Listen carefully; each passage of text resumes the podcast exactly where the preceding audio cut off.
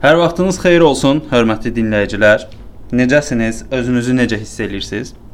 Nə deyirsən rubrikasında bu dəfəki qonağım İbrahim Cəfərovdur. Hicama İbrahim də deyə bilərik ona qısa olaraq. Bu arada nə deyirsən rubrikasını bir neçə nəfər soruşmuşdu ki, o nədir? Nə deyirsən rubrikasında müxtəlif sahədə olan insanları dəvət eləyirəm və onlarla o sahələrdə olan müzakirələr aparırıq. Hansı ki, onlar nə iş görür, insanlara necə yardım eləyirlər və s. və s. bunlardan danışırıq. Ona görə rubrikanın adı nə deyirsən? İndi görək ki, İbrahim nə deyəcək. İbrahim xoş gəlmisən. Xoş gördük Orxan. Necəsən? Özün necə edirsən? Şu an hər şey əladır. Səndə necədir vəziyyət? Yorğun. Biz İbrahimlə bu gün dənizdən qayıtmışıq, ölürük yorğunluqdan. Elə yol üstü dedik ki, gərək həm də podkast hazırlayaq, çünki İbrahim gələn həftədən başlayır işə. Mənim də təlimlərim hamısı qarışır bir-birinə. Nəysə, e, hicama İbrahim deyirlər ki, e, bu yalan söhbətdir də bu şeylər.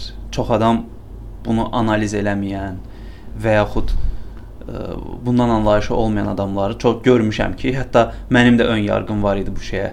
O hicama prosedurunu keçməmişdən öncə hamı deyir ki, boş-boş şeylərdir. Hı -hı. Tam olaraq ə, nədir hicama? Və ə, bir bunu de, Sonra insanlar niyə hicamadan qorxurlar onu de. Bax birinci hicamanın nə olduğunu de. Sonra niyə qorxurlar onu deyərsən. Hicama prosedurası qan təmizlənməsi proseduradır. İnsan bədənində illər boyu yığılmış toksinlərdir, ağır metallardır, işlaqlardır. Bunların qanla təmizləməsi prosedurasıdır. Bu prosedura həm qan dövranı yaxşılaşmasına müsbət təsir eləyir, həm insanı ruhən cavanlaşdırır və həm də insanda olan endorfin hormonlarının sayının artmasına müsbət təsir var ki, bu da insanı hicama prosedurasından sonra daha da xoşbəxt eləyir. Bəs biz bunu zəli müalicəsi ilə və yaxud bədənimizdə hər hansı bir deşik açdırmadan dərmanlarla və yaxud daxili prosedurlarla nə ilənsə eləyə bilmərik bunu. Məsələn, bunu bir həkim və yaxud klinikada bir check-up müayinədən keçərək eyni şeyləri daha da düzəltmək, təkmilləşdirmək, daha yaxşılaşdırmaq olmaz. Yəni hicama nəyə lazım olur ki? Təbii ki, yəni bir çox üsullar var, ya zəli ilə müalicə və yaxud da ki, insanların ə, vitamin qəbul etməsi, idmanla məşğul olması, sağlam həyat yaşaması. Amma hicama prosedurasının bu iki məsələlərdən, yəni üstünlüyü, plusu ondadır ki, həm prosedura tamamilə ağırsız bir proseduradır. Yəni prosedura düzgün şəkildə aparıldığı halda, yəni insan hər hansı bir ağrı falan hiss eləmir. Həm də ə, belə deyək də, hicama prosedurasından sonra 6 ay ərzində insanda infarkt və insult kimi məsələlər olmur. Yəni bu da böyük bir plusdur. Hə mən hicamadan keçəndə amma tam səmimidə indi İbrahimlə biz yaxınıq deyə demirəm, amma həqiqətən o yaralar olmamışdı məndə doğrudan. Heç hiss də eləmədim nəsə belə. Təmizləndi, çıxdı, getdi hər şey. Çox qəşəng olmuşdu əslində. Belə indi mənim infarkt riskimi azaltmısan da belə başa düşdüm, hə? Şu 6 aydan çox keçib. Faizdə gələ yenə eləyək. Gəlməliyəm yenə, hə? Profilaktika üçün yəni ildə 2 dəfə yaz payızı olsa, yəni daha faydalıdır. Tamam. Bəs niyə insanlar hicamadan qorxurlar? Bir adının qorxulu tərəfi ola bilər. Məsələn, hicama deyəndə belə qəribə səslənir. Hicama nə? Hə, həcamət də deyirlər. Belə Google-da araşdıranda tapmışdım. Əsas onu İranlılar deyir. Hə, adı biraz qorxuludur. Hə, belə bir dini yönümünə aparırlar məsələnin. Əlaqəsi varmı bunun dindən ümumiyyətlə niyə qorxurlar? Bir dənə onu de, sonra o digər tərəfini danışaq. Ə, tarix 3000 il bundan əvvəl Çində yaranıb ə, və 1400 il bundan əvvəl Məhəmməd peyğəmbərimiz buyurub bu müalicəni ki, yəni özü də etdirib bu proseduranı və müsəlmanlara da tövsiyə edib ki, siz də etdirin. İndi dindar insanların əksəriyyəti ə, bu proseduranı etdirirlər, hicama prosedurasını. Bəzi insanlar isə qorxurlar. Ə, qorxmaq səbəbi nədir? Burada çünki qan sözü işlənir. Yəni qan sözü də insan eşitdiyi zaman yəni ağlına ə, şiddət gəlir və yaxud da insanın Hı. əlinin kəsilməsi, harasından yaralanması. Ona görə şuuraltı olsa biraz şuuraltı biraz da olsa insana mənfi təsir göstərir də qan sözünü eşitmək. Amma burada qanın təmizlənməsi, yəni biz mahiyyətə baxanda qanda olan o çirkin təmizlənməsindən söhbət gedir. Belə. Bəs bu sahə tam olaraq təsdiqlənib tibbin bir sahəsi kimi qeydiyyata düşüb, yoxsa hələ də bunun mübahisəsi gedir ki, bu doğru bir şey deyil, yoxsa tam doğrudur? Ə, necə ki, masaj ə, terapiyası var, ondan sonra iqla terapiya var, akupunktura üsulu var. İnsan bədənində olan meridianlar, xüsusi nöqtələr, sinir nöqtələri hicama prosedurası da məhz ə, bu qaydada aparılır. Mən özüm İstanbulda təhsil almışam. Osmanlı Hacivat Sağ Xidmətdə Eğitim Mərkəzində. Orada bizim təhsil aldığımız müəssisədə bizə hər bir şey öyrədiblər ki, məsələn, insan bədənində 143 ədəd hicama nöqtəsi var. İnsan boyuna görə, yaşına görə, çəkisinə görə, cinsiyyətinə görə və şikayətlərə görə ə, hansı nöqtələrə hansı ölçülü bankalar qoyulmalıdır, hansı nöqtədə bankalar neçə dəqiqə qalmalıdır. Sonra bankalar çıxarılandan sonra ə, əslində orada bir dənə nüans var ki, hansı ki insanların qorxduğu nüans. Bankalar məsələn qoydu qaldı.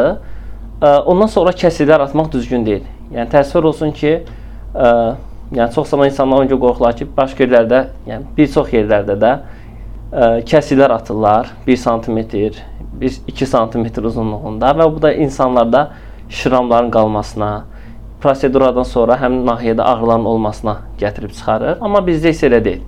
Ə, biz proseduradan əvvəl həmin nahiyəyə xüsusi yağlar vururuq.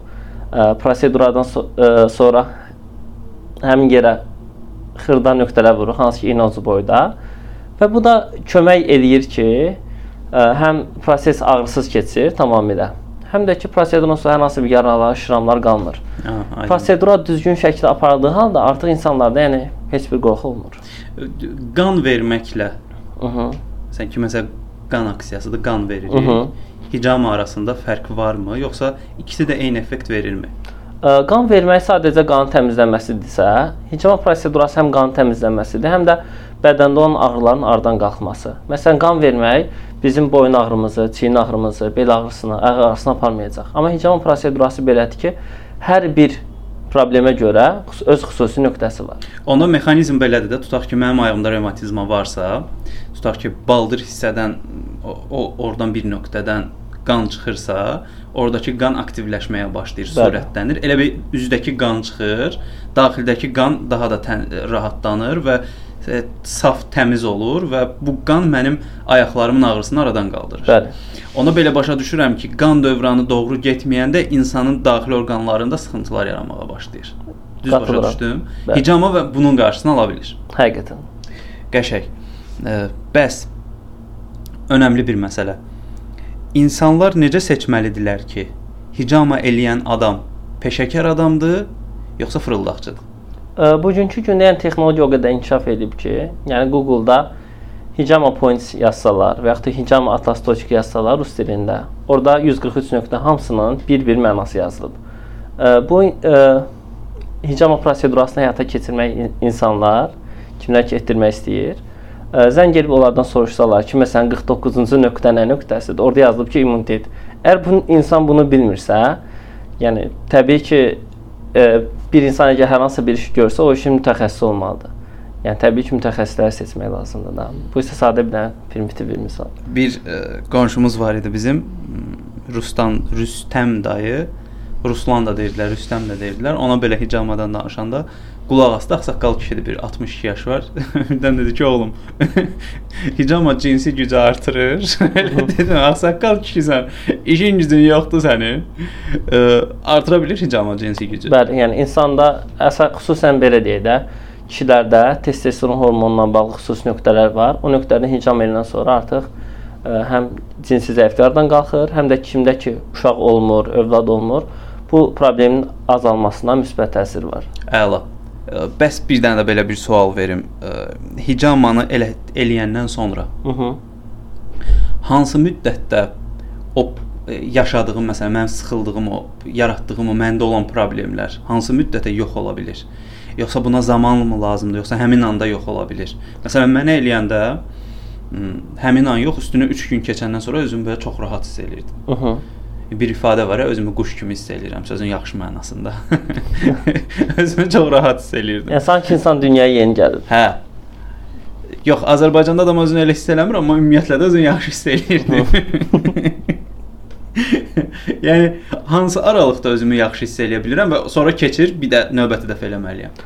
Ə, ən azı 2 günə, maksimum 1 həftə 10 gün ərzində insanlar faydasını görür, amma ə, məsələn təzyiqlə bağlı və yaxud da qrija ilə bağlı osteoxondrozla və ə, e, daha ağır xəstəliklər zamanı artıq birinci seansdan sonra 100% effekt olmasa da 40-50% effekt göstərir.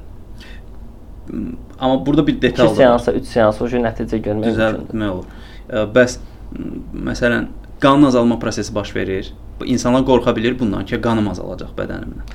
Ə, ilk dəfə etdirən insanlar qorxur, amma biz izah etməyə çalışırıq ki, prosedura zamanı 100-200 milli toksin qanlar çıxır. Yəni bu isə ümumi qan təmizlənməsi ə, məsələsində yalnız toksinlər götürürük biz. 5 litrin elə bil 200 millisi gedir də orada. Hə. hə. O da ki, çuğundurdur, kök, bal, qara şokolad, gematogen, qan artıran təbii qidalar qəbul edirik də. Yəni tezliklə avtomatik gəlir. Bir növ elə bir ki, üzdəki loridildə desə, üzdəki qanı gətirsən və toksik e, çirkli qan götürülür də. Belə. Bəli. Necə ki, əlimizi kəsəndə o əsas daxili qan deyil. Hı e, kapilyarlardan axan qanlardır məsələn, üzdə olan. Burada da bunun kimi bir şey. E, hicama ümumi olaraq, Hı -hı. məsələn, insan niyə hicama etməlidir? 3 fikirlə ifadə eləsək, nələri deyərsən? Niyə hicama vacibdir bir insan üçün? Qan dövranının yaxşılaşması və insan orqanizmasının cavanlaşması üçün müsbət təsir göstərir. İnfarktın, insultun və gələcəkdə Allah qorusun yaşanacaq xərçəng xəstəliyi olsun, ondan sonra Alzheimer xəstəliyi olsun və yaxud da, və bu kimi ciddi xəstəliklərin qarşısının alınmasında çox faydalıdır. Bir də bu sağlamlıq rutini üçün yəni çox gözəl proseduradır ki, yəni ildə bir insan ildə 2 dəfə icam etdirirsə, yəni il boyu özünü həmişə gümrah hiss edir. Əla. Və son sualım ə, e, bunun psixologiya ilə əlaqəsi varmı? Yəni mənim bədənimdə elə bir nöqtə varmı ki, Hı -hı. mən ora hicama etdirim. Məsələn, deyək ki, mən özümü bədbəxt hiss eləyirəm, uğursuz hiss eləyirəm, işləmək istəmirəm, həvəssizəm və mən hicama etdirəndən sonra bu məsələlər məndə də düzəlməyə başlasın. Ə, indi bəzi insanlar inanır və bəzi insanlar inanmır çakralara, amma insan bədəninin müəyyən çakraları var ki, hicama prosedurası həmin o çakraları aktivləşdirir. Hansı ki ə, və elmi tərəfdən də baxanda müəyyən nöqtələr var ki, hansı ki insanda olan gərginliyi, əsəb, stress, tənbəllik, yorğunluq, hətta həyəcan və panik atakdan belə sağalan yüzlərlə bizim pasientlərimiz olub. Ki biz hicam prosedurasını həyata keçəndən sonra bir çox ə, e, pasientlər deyir ki, mən siqaret çəkirdim, artıq siqaret çəkmirəm. Ə, bir çox pasientlərimiz deyir ki, mən əvvəl stressdən çoxlu yemək yeyirdim, artıq bu ə, gecələr yemək yeyirdim, fast food çox istifadə edirdim, zərərli al alışkanlıqlarım vardı. Artıq bunları yığışdırmışam və sağlam həyata başlamışam. Yəni bizim yəni yüzlərlə belə pasientlərimiz olub. Yəni saymaqla bitməz. Həqiqətən də bu məsələlərə çox böyük faydası var. Mən inanmıram açığı çakralar və sair digər şeylərə. Hı -hı. Mən işin akademik tərəfinə gedirəm də, amma e, fiziki olaraq məsələn xoşbəxtliyimizi artıra biləcək hicama nöqtəsi deyə bir şey var. Endorfin hormonunun artması üçün. O harda hansı bədən hansı hissəsindədir? 6-cı nöqtədir. Bizdə bədəndə lapat sağ tərəfdə lapatkadan aşağıda yerləşir. Amma burada dediyim kimi sağ tərəfdən lapatkada 6 dənə nöqtə var. Daha 7 dənə, yəni tam aşağıdakı nöqtəyə saysaq 7 dənə nöqtə var. Yəni o nöqtənin də yeri mən bilirəm ki, harda eləsək daha yaxşı olar. Tamam. O zaman məni xoşbəxt hiss eləmək üçün oradan 1-3-4 dənə qoymalı. Növbəti seansda edərik. Ondan sonra çox xoşbəxt olacam. Ora biraz daha da böyük banka qoyarıq ki, effekt daha da yaxşılaşsın. Çox zaman elə edirik. Yəni biraz da yeri qalsın da oradan. Limit tam da olmasın. Bəs özün özünü hicam eləyə bilirsən? Ə, əllər əllərdə olan nöqtələrdən götürə bilirəm, ayaqlardan, bir də alında. Bəs özünə ehtiyac olanda necə olur o proses? Məsələn, kürəyinə və digər yerlərə. Yəni çox zaman yanımda olan medsestralara deyirəm ki, bankan biraz sağa, sola, sağa, sola elə eləyə. Deyirəm onlar eləyirlər. Onlar eləyirlər. Belə. Bir ə... də ki, ə, Türkiyəyə gedəndə öz müəllimlərimizə deyirəm ki, onlar eləsinlər. Eləsinlər. ə, son olaraq izləyicilərə, daha doğrusu dinləyicilərə nə demək istəyirsən? Yəni həmişə tövsiyə edərdim ki, ə, nəinki icama sahəsində, digər sahələrdə də işi mütəxəssisə həvalə eləsinlər. Əla. Və ə, e, podkastı dinləyənlərə endirimlər mümkün ola bilərmi?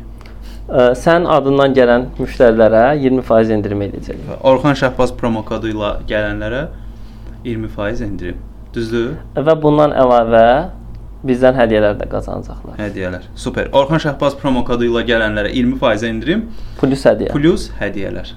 Qəşəng. Çox sağ ol İbrahim gəldiyinə görə təşəkkür edirəm. Çox xoş oldu Orxan. 15 dəqiqədə artıq danışırıq. Vaxt uçur. Belə. Suallarınız olsa sosial mediadan yazmağı unutmayın. dinlədiyinizə görə təşəkkür edirik. Növbəti podkastlarda görüşərik. Sağ olun.